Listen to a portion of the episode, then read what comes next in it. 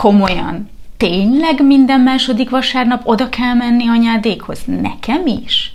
Miért? Hát ez nem sok. Nem minden héten megyünk, hanem minden második héten, és hát nyilván, hogy neked is, hiszen párkapcsolatban vagyunk. Aha, és ez hol volt leírva valahol az apró betűs részben ott volt? Hogy egy igazán ígéretesnek induló, tartós kapcsolat ne csak ilyen előre nem látott apróbetűs részekből álljon, ehhez szeretnénk segítséget nyújtani nektek a mai adásunkkal. Sziasztok, ez itt a Boldog Párna második évadának 28. adása. Én Molnár Dávid vagyok. Engem Fischer Gabinak hívnak.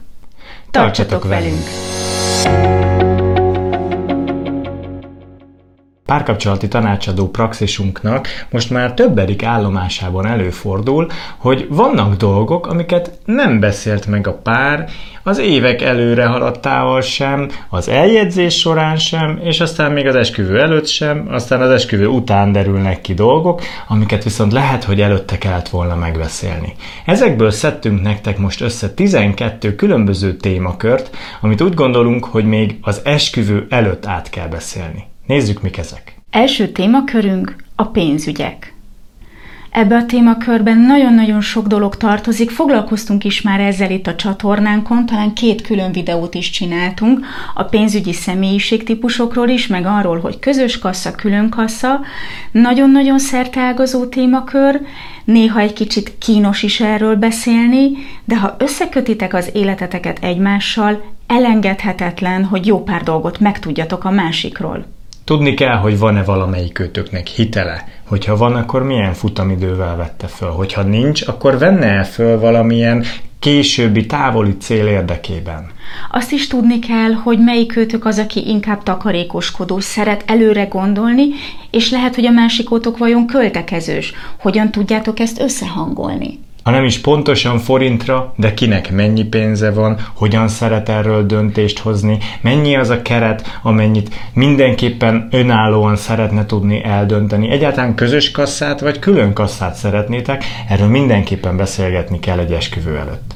Sőt, talán még érdemes arról is beszélgetni, hogy ha babát vártok, akkor hogyan lesz annak az időszaknak a pénzügyi elszámolása, amikor nyilván csak egyikőtök fog keresni. Baráti körben fordult elő egyszer egy ilyen szitu, hogy a lány mesélte nekem, hogy a sráctól kapta azt az üzenetet, hogy semmi gond, nyugodtan vállaljunk gyereket, csak már most kezdjél el takarékoskodni arra az időre, hogyha majd akkor nem fogsz tudni dolgozni, mert hát a te gyereked majd akkor te finanszírozod azt az időszakot. És valahogy így nem futott át a srác fején, hogy, hogy egyedül nem igen szoktak teherbe esni, hanem hogy ő lesz az apja annak a gyereknek, és hogy basszus azért ez neki is a felelőssége anyagilag is, nem csak gondoskodás szempontjából. Szóval, hogy talán még ilyesmire is néha érdemes odafigyelni, hogy beszélgessetek erről.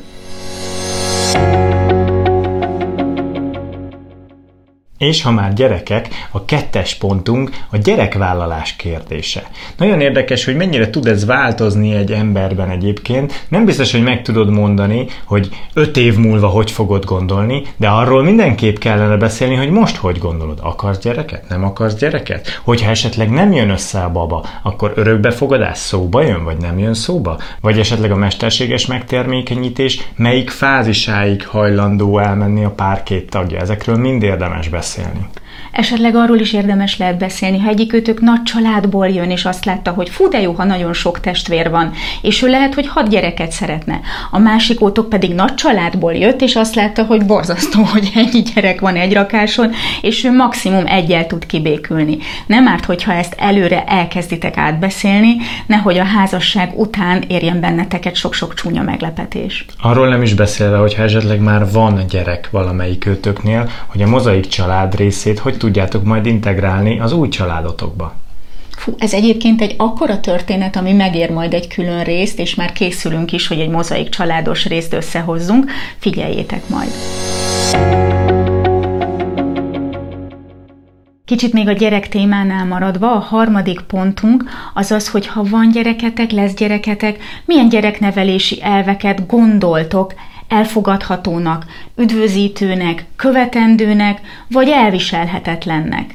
Érdemes itt talán a régi családi mintákat is feleleveníteni, hogy bizony nálunk fakanállal ütöttek a fenekünkre akkor, hogyha lejtettük a lekváros üveget, vagy azt, hogy nálunk meg arról volt szó, ha lejtettük a lekváros üveget, hoznunk kellett a feltörlőt és feltöröltük.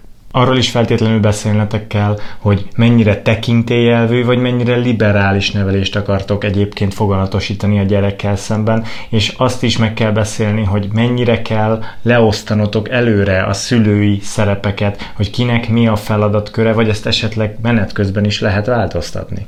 Fontos lehet arról is beszélni, hogy a lány, a nő várja-e, hogy a férfi részt vegyen apasága teljességében a gyereknevelésben, vagy nem tudja ezt elképzelni? És mit gondol a srác erről? Szeretne ő nagyon benne lenni ebben az apa kérdésben, vagy egész addig, ameddig a gyerek nem beszél, ő nem is nagyon akar foglalkozni vele? A gyereknevelési elvekről egyébként már csináltunk egy külön videót. Mert hát ez egy akkora téma, talán az egyik legösszetettebb, legátfogóbb témája egy párkapcsolatnak, ahol egészen biztosan előjönnek különbözőségek. Egészen biztosan. Éppen ezért érdemes előre egy pár dolgot tisztázni, felkészülni arra, hogy itt lesznek különbözőségek. Olyan nagy dolgokat, mint hogy mondjuk vallásosan neveljük a gyerekeinket, vagy nem neveljük vallásosan a gyerekeinket. Amikor kicsik együtt alszunk, külön alszunk, külön szobában, a ház másik végében, kint az ólban, tök mindegy, hol altatjuk a gyerekeket. Meg lehet azt is beszélni, hogy borzasztó fontos, hogy sportoljon. Borzasztó fontos, hogy zenéjen. Borzasztó fontos, hogy a világon semmit ne csináljon a tanulás tanuláson kívül. Ezek azt hiszem, hogy fognak nektek témát adni hónapokon, vagy akár éveken keresztül is, nem kell egyszerre lezavarni az egészet. Nyitó jelenetünkben egyébként már láthattátok a negyedik pontot, a kapcsolattartást a származási családdal. Hogy néz ki egy karácsony? Kihez kell először menni, kihez kell másodszor menni, kihez kell 26-án menni karácsonykor, kit mennyiszer kell meglátogatni, felhívni telefonon de nem csak a nagy ünnepek kori kapcsolattartásról lehet itt szó, hanem arról, hogy hétvégénként el kell menni a telekre, vagy mennyire elvárható, hogy három hetente segítsünk takarítani a nagymamánál, vagy mennyire elvárható, hogy mi furikázzuk a nagybácsit az állatorvosig meg vissza. Nagyon-nagyon sok apróság van, ami természetes lehet valakinek, aki mondjuk egy ilyen összetartó nagy családból jön, és egészen hátborzongató lehet valakinek, ahol eléggé elszigeteltek voltak egy egymástól a családtagok.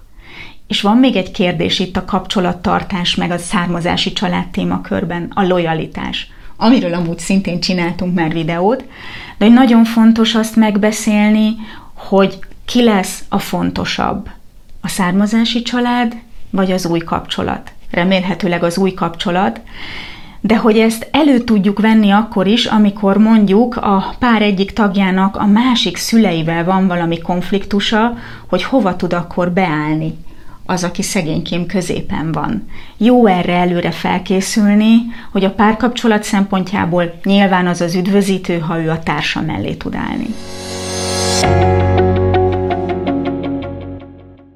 És ha már közelség és távolság a származási családtól, egy fontos téma lehet az is, hogy ez földrajzilag hogy fog kinézni.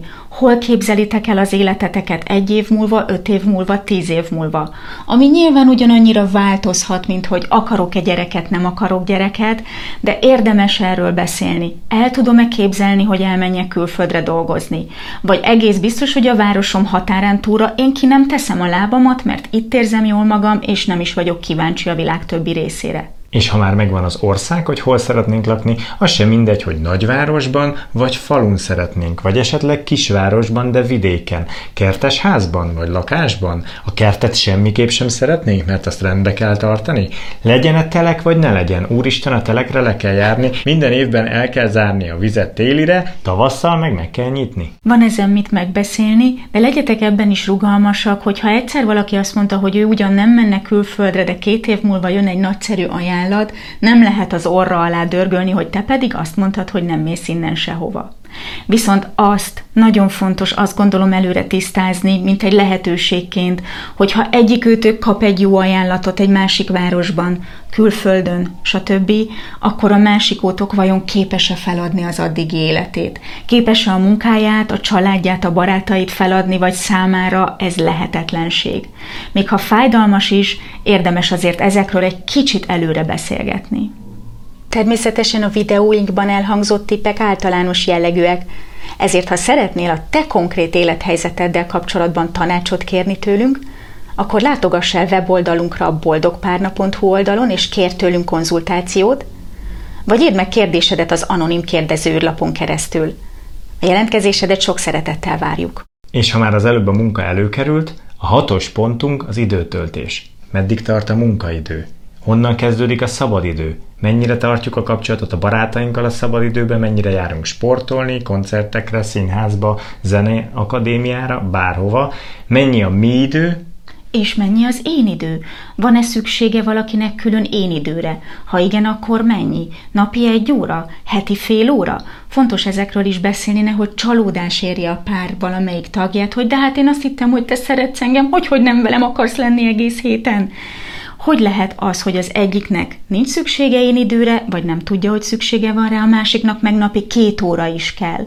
Összefüggésben lehet ez azért egy kicsit az introvertált, extrovertált személyiséggel, amiről szintén készítettünk már videót. Abban benne van az is, hogy a hobbik, az időtöltés mennyire különböző lehet, hogyha különböző a vérmérsékletünk ebből a szempontból. Jó ezeket is előre megbeszélni. Éppen a héten került elő az a téma, hogy egy ultramaratonista futó fiú ismerősünk, ő napi kétszer megy el edzeni másfél órát. Azért az három óra tisztán csak az edzés, persze átöltözés, meg zuhanyzás, mondjuk négy elmegy egy nap. Nem tudom, hogy emellett hogyan tud dolgozni, hogyan tud párkapcsolatot fenntartani, de azt magyarázták nekem ezek az illetők, hogy általában az ultramaratonista fiúknak, ultramaratonista lány a párjuk, mert így tudnak együtt tölteni időt, ha nem is együtt futva, de legalább együtt felkészülve a felöltözéskor, meg a levetkőzéskor. Levetkőzéskor.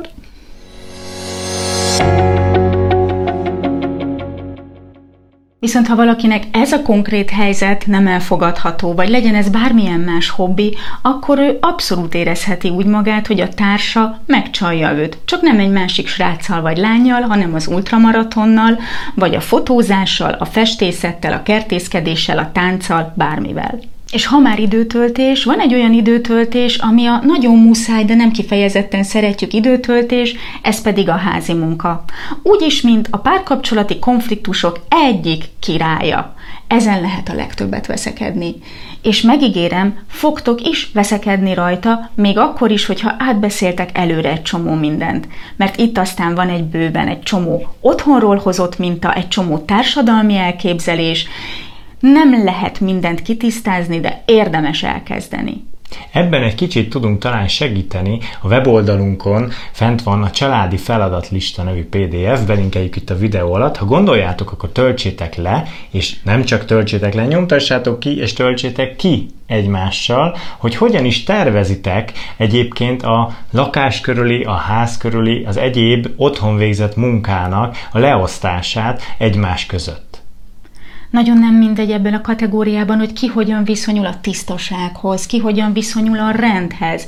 Van, akinek már egy darab elől hagyott pohár is elviselhetetlen rendetlenség, más meg a nyolc réteg, újság, számla, morzsa, tányér, stb. halmot sem veszi észre az asztalon, és nem érti, hogy mi baja a másiknak. Lehet, hogy ez így kiderül majd miközben összeköltöztetek, de az se baj, hogyha előre elkezdtek erről beszélgetni, hogy melyik kötöknek mi az elviselhető, elfogadható, vágyott állapot, rendből, tisztaságból. Már a házi munkánál is előfordulhat, de itt aztán most különösen is kivesézzük, a nyolcadik pontunk a női-férfi szerepelvárások egymással szemben. Egy kicsit ezt már meg is percegettük annál a pontnál is, ahol a gyereknevelésről beszélgettünk, hogy mi várható el egy nőtől, mi várható el egy férfitól a gyerek körül, és nem úgy általában, hanem konkrétan a ti párkapcsolatotokon belül. Egy biztos, nem egyértelmű. Senkinek sem egyértelmű, pedig mindenki azt hiszi, hogy de hát ez egyértelmű. Nem, nem az. Tisztázzátok le egyesével, ha ez van, ha az van. Mutatunk néhány, talán extrém esetet. Nem vezetek, és nem is fogok autót vezetni. Ettől még férfinek fogsz látni? Nem tudok, és nem is szeretek főzni. Ez neked így rendben van? Elképzelhető, hogy nekem több kozmetikumon van, mint neked. Ez így neked problémát okoz? Ha esetleg előfordul, hogy én nőként kétszer annyit keresek majd, mint te, akkor vajon büszke leszel rám, vagy picsogni fogsz? A romantikus filmeken én sírok, és musical rajongó vagyok. Ez gond? Imádom a robbantós, autózós, üldözős filmeket. Ez oké okay neked? Lehet, hogy ezek tényleg egy kicsit extrém példák voltak, de be akartuk mutatni nektek, hogy attól még lehet valaki férfi, hogy nem vezet autót és sok kozmetikuma van, és még a musicaleket is szereti, és lehet valaki attól nő, hogy többet keres, mint a párja. Nagyon fontos megnézni, hogy van-e valami, amit nem tudnátok elviselni a másikban, amitől biztos, hogy nem látnátok férfinak vagy nőnek. Mit tudom én, lehet, hogy egy srác azt mondja, hogy ha te nem fürdesz meg egy héten legalább négyszer, nem foglak téged nőiesnek látni. Úgyhogy légy szíves, ehhez a minimumhoz kérlek tarts magad, hogyha együtt szeretnél lenni velem. De az is elképzelhető, hogyha egy férfinak mondjuk hat éven keresztül nincsen állása és semmilyen bevétele, akkor nem annyira könnyű azt a férfit férfiasnak látni a bizonyos nőknek. Ezeket azért érdemes előre tisztázni. És nem úgy gondoljuk ezt az előre tisztázást, hogy leültök egy asztalhoz, elővesztek egy papírt, meg egy tollat, és akkor, na, akkor most megnézzük, hogy számomra mi nem férfias, listázom, hanem beszélgessetek, hozzátok elő ezt a témát, lehetőleg spontán, lehet néha tervezetten is, vagyis én azt gondolom, hogy leginkább figyeljetek oda egymásra, hogyha valami ilyesmi előkerül, akkor hagyjátok, hogy erről lehessen beszélni, legyetek nyitottak, és hallgassátok meg egymást. Mondok egy konkrét példát, mi Gabival egyszer beszéltünk ilyesmiről, még nagyon-nagyon-nagyon az elején a kapcsolatunknak, hogyha valamelyikünknek komoly mentális betegsége, mély depressziója, ilyesmi kialakul, ami tovább tart, mint egy év, akkor már komolyan elgondolkodhat a másik arról, hogy most akkor hogyan tovább, mert ez az a helyzet, amit már egyikünk sem tud úgy elviselni, hogy akkor, hogy akkor kilátástalanná válik minden, és akkor már lehet, hogy érdemesebb neki kilépni ebből a kapcsolatból. Ugyanígy spontán beszélgetések során szinte egészen biztos, hogy felmerül az a téma, hogy mi a célod az életedben. Figyeljetek oda egymásra, hogy vajon a kettőtök életcéljai összeegyeztethetőek-e, vagy nagyon-nagyon ütik egymást, mert ha nagyon ütik egymást, akkor erről muszáj lesz egyeztetni. Ha az egyikőtök életcélja megmászni a Himaláját, míg a másikótok életcélja az, hogy abban a városban ő legyen a legjobb állatorvos, akkor ez valószínűleg ütni fogja egymást. Úgyhogy erről kell beszélgetni, meg kell próbálni megtalálni a közös életcélt, ami lehet az, hogy fölneveltek 12 gyereket, de lehet az is, hogy létrehoztok egy akadémiát valahol, ahol családok tanulhatnak. Javaslom, hogy erről még nem beszéltetek, akkor egyeztessétek össze a bakancslistákat is. Vannak olyan dolgok egyébként, amik mind a kettőtöknek felkerülhetnek a bakancslistára, és azok nagyon-nagyon jó élmények, jó kalandok lesznek a jövőtökben, de hogyha nagyon különbözőek ezek a dolgok, akkor nem nagyon sok időt tudtok majd együtt tölteni a szabadidőtökben. Többek között ezért is fontos, hogy megnézzétek, hogy az egyéni célok, illetve a közös célok hogyan tudnak harmonizálni egymással. Érdemes esetleg közös hobbikat találni. Nálunk Gabival évekig tartott, amíg megtaláltuk azokat a közös hobbikat, amit mind a ketten szívesen csinálunk, ki is próbáltunk többet, de az a lényeg, hogy megtaláltuk, mert ezzel már tudjuk építeni a közös céloknak a listáját is. Ha tetszik ez a videó, ha tetszik ez a YouTube csatorna, akkor iratkozz fel a feliratkozás gomb megnyomásával, és ne felejtsd el megnyomni a harangékon sem, hogy ne maradj le egyetlen új videónkról sem. Nagyon köszönjük! A tizedik pontunk szinte állandó témánk a konfliktuskezelés. Ki hogyan áll magához a konfliktushoz? Hogyha konfliktus van, akkor világvége van, és akkor el kell bújni, az egy elviselhetetlen dolog? Vagy egyébként a konfliktus ez egy teljesen általános mindennapi dolog, 5 perc múlva se tudjuk, hogy mind veszekedtünk. Jó, hogyha erről nem csak olyan tapasztalásunk van, hogy már benne vagyunk a konfliktusban, és látjuk, hogy a másik, vagy mi magunk hogy működünk, hanem megpróbálhatunk elő, előre is beszélgetni, hogy nálunk a családban az úgy volt, hogy ha anyám elkezdett üvöltözni, apám csak elbújt az újságja mögé. Vagy nálunk a családban az úgy volt, hogy egyikük sem szólt egy szót sem, csak némán duzzogtak két és fél hétig. Ha tudjuk, hogy a családunkban hogy zajlott, azt hiszem, hogy arra is lehet egy rálátásunk, hogy vajon mi milyen mintát építettünk be, és miért hoztunk be ebbe a közös párkapcsolatba. Ezt is össze kell hangolni, különben nem csak maga a konfliktus forrás lesz probléma, hanem az is, ahogyan magát a konfliktust kezeljük. És sokszor ez a nehezebb. Nálunk például a családban nagyon gyakran láttam gyerekként, hogy egészen sokáig nem mondják el a másiknak, ami bántja őket, ami frusztrálja őket, de amikor a másik előhoz valamit, akkor gyorsan előrántják és rádobálják az összes meglévő frusztrációt, és ez azért nagyon jó, mert akkor nem egy vita van egyszerre, hanem 30-40, és csak úgy burjánzik mindegyikből. Van, ami 5 évvel ezelőtti vitának a folytatása, Hát ez a mi családi mintánk. Hála Istennek, hogyha valaki rá tud erre látni, akkor meg is tudja változtatni. Szóval ne csak próbálgassátok azokat a konfliktusokat, hanem próbáljatok meg beszélni is róla, hogy ki mit gondol a veszekedésekről. Ehhez van egy nagyon jó részünk, éppen két héttel ezelőtt volt látható a csatornánkon, ha még nem néztétek meg, mindenképpen nézzétek meg, hogy vajon Monika és Chandler a Friendsből mit gondol a konfliktuskezelésről. És akkor jöjjön a két legpikánsabb téma a listánkról itt a vége fele, amelyek közül az első, vagyis a tizenegyedik, mi számít megcsalásnak? Megcsalásnak számít-e az, hogyha valaki elmegy masszörhöz? Vagy hogyha elmegy masszörhöz, mondjuk egy happy endinggel? Megcsalás-e az, hogyha valaki néha csetel az exével?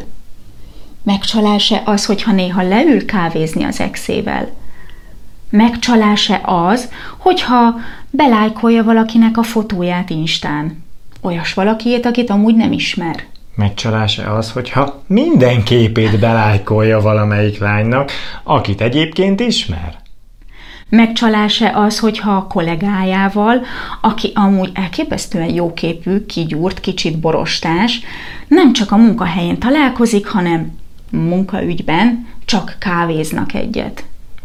Nagyon nehéz kérdések ezek, és tényleg modellezni kell ezeket a szituációkat ahhoz, hogy bele tudjátok élni magatokat, és meg tudjátok mondani a partnereteknek, hogy mit igen és mit nem. Nyilván ti sem szeretnétek, hogyha a partneretek folyamatosan ellenőrizni a telefonotokat, hogy éppen milyen üzeneteket kapott, a bizalomnak muszáj kiépülni kettőtök között, de ahhoz tudni kell, hogy mi mit jelent. Nem úgy, mint mondjuk a jó barátokban, Ross és Rachel, Ugye szakításban voltunk, na de az mit jelent? Nem Igen, volt egyértelmű. szakításban voltak. Na de az mit jelent?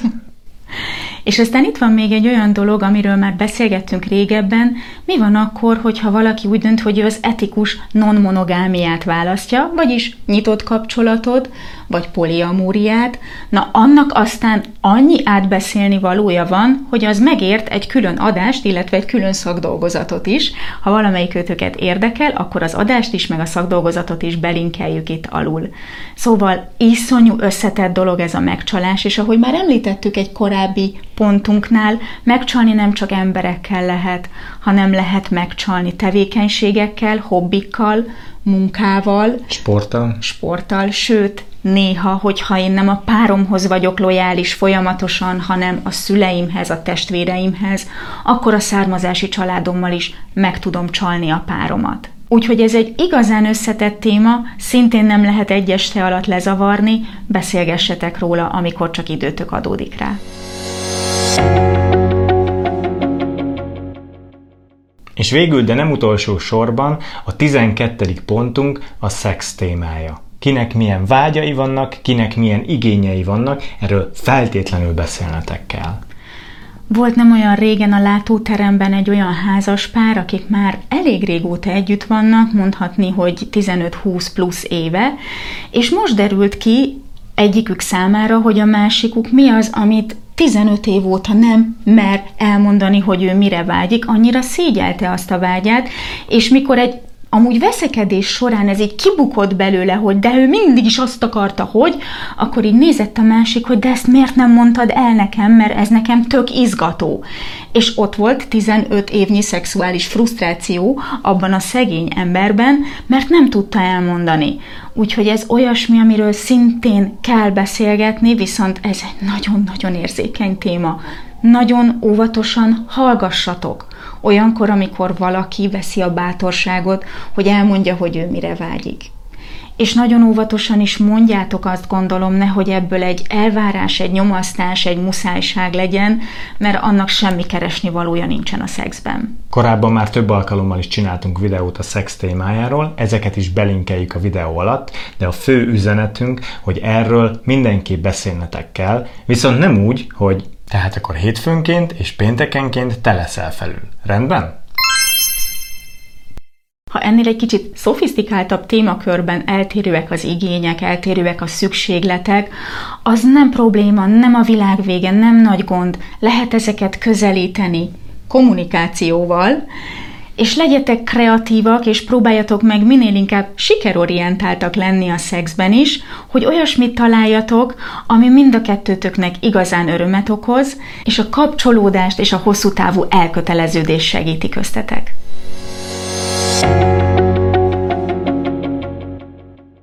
Ez volt tehát az a 12 témakör, amiről feltétlenül beszélnetek kell még az esküvő előtt. Kíváncsian várjuk kommentben itt a videó alatt, hogy szerintetek ebből a 12-ből melyik a legfontosabb. Írjátok meg egy 1-től 12-ig skálán, kíváncsi vagyok, hogy mi fog a szavazásból kiderülni. Illetve ha eszetekbe jutott olyan témakör, amit mi nem soroltunk itt föl, azt még nagyobb kíváncsisággal várjuk, kérünk benneteket, azt is írjátok meg itt kommentben a videó alatt.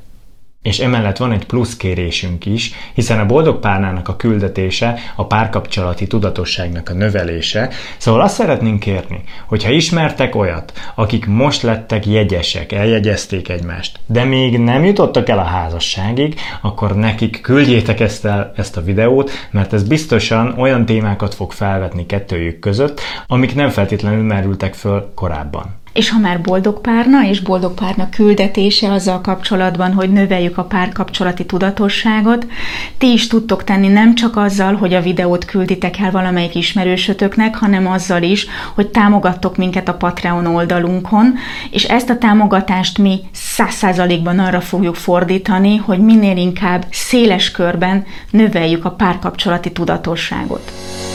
Ha szeretnétek velünk közelebbről megismerkedni, akkor pedig várunk titeket a Facebook csoportunkba, ahol már több mint 610 vagyunk, nagyon jó fej emberek, ott szoktak lenni mindenféle nyereményjátékok, találkozók, beszélgetések, úgyhogy oda is várunk titeket, betesszük itt a videó alatt a linket. És ahova még várunk titeket, az a képernyő előtti kényelmes ülőhelyetek, jövő héten csütörtökön este hétkor a szokott időben találkozunk. Sziasztok! Sziasztok!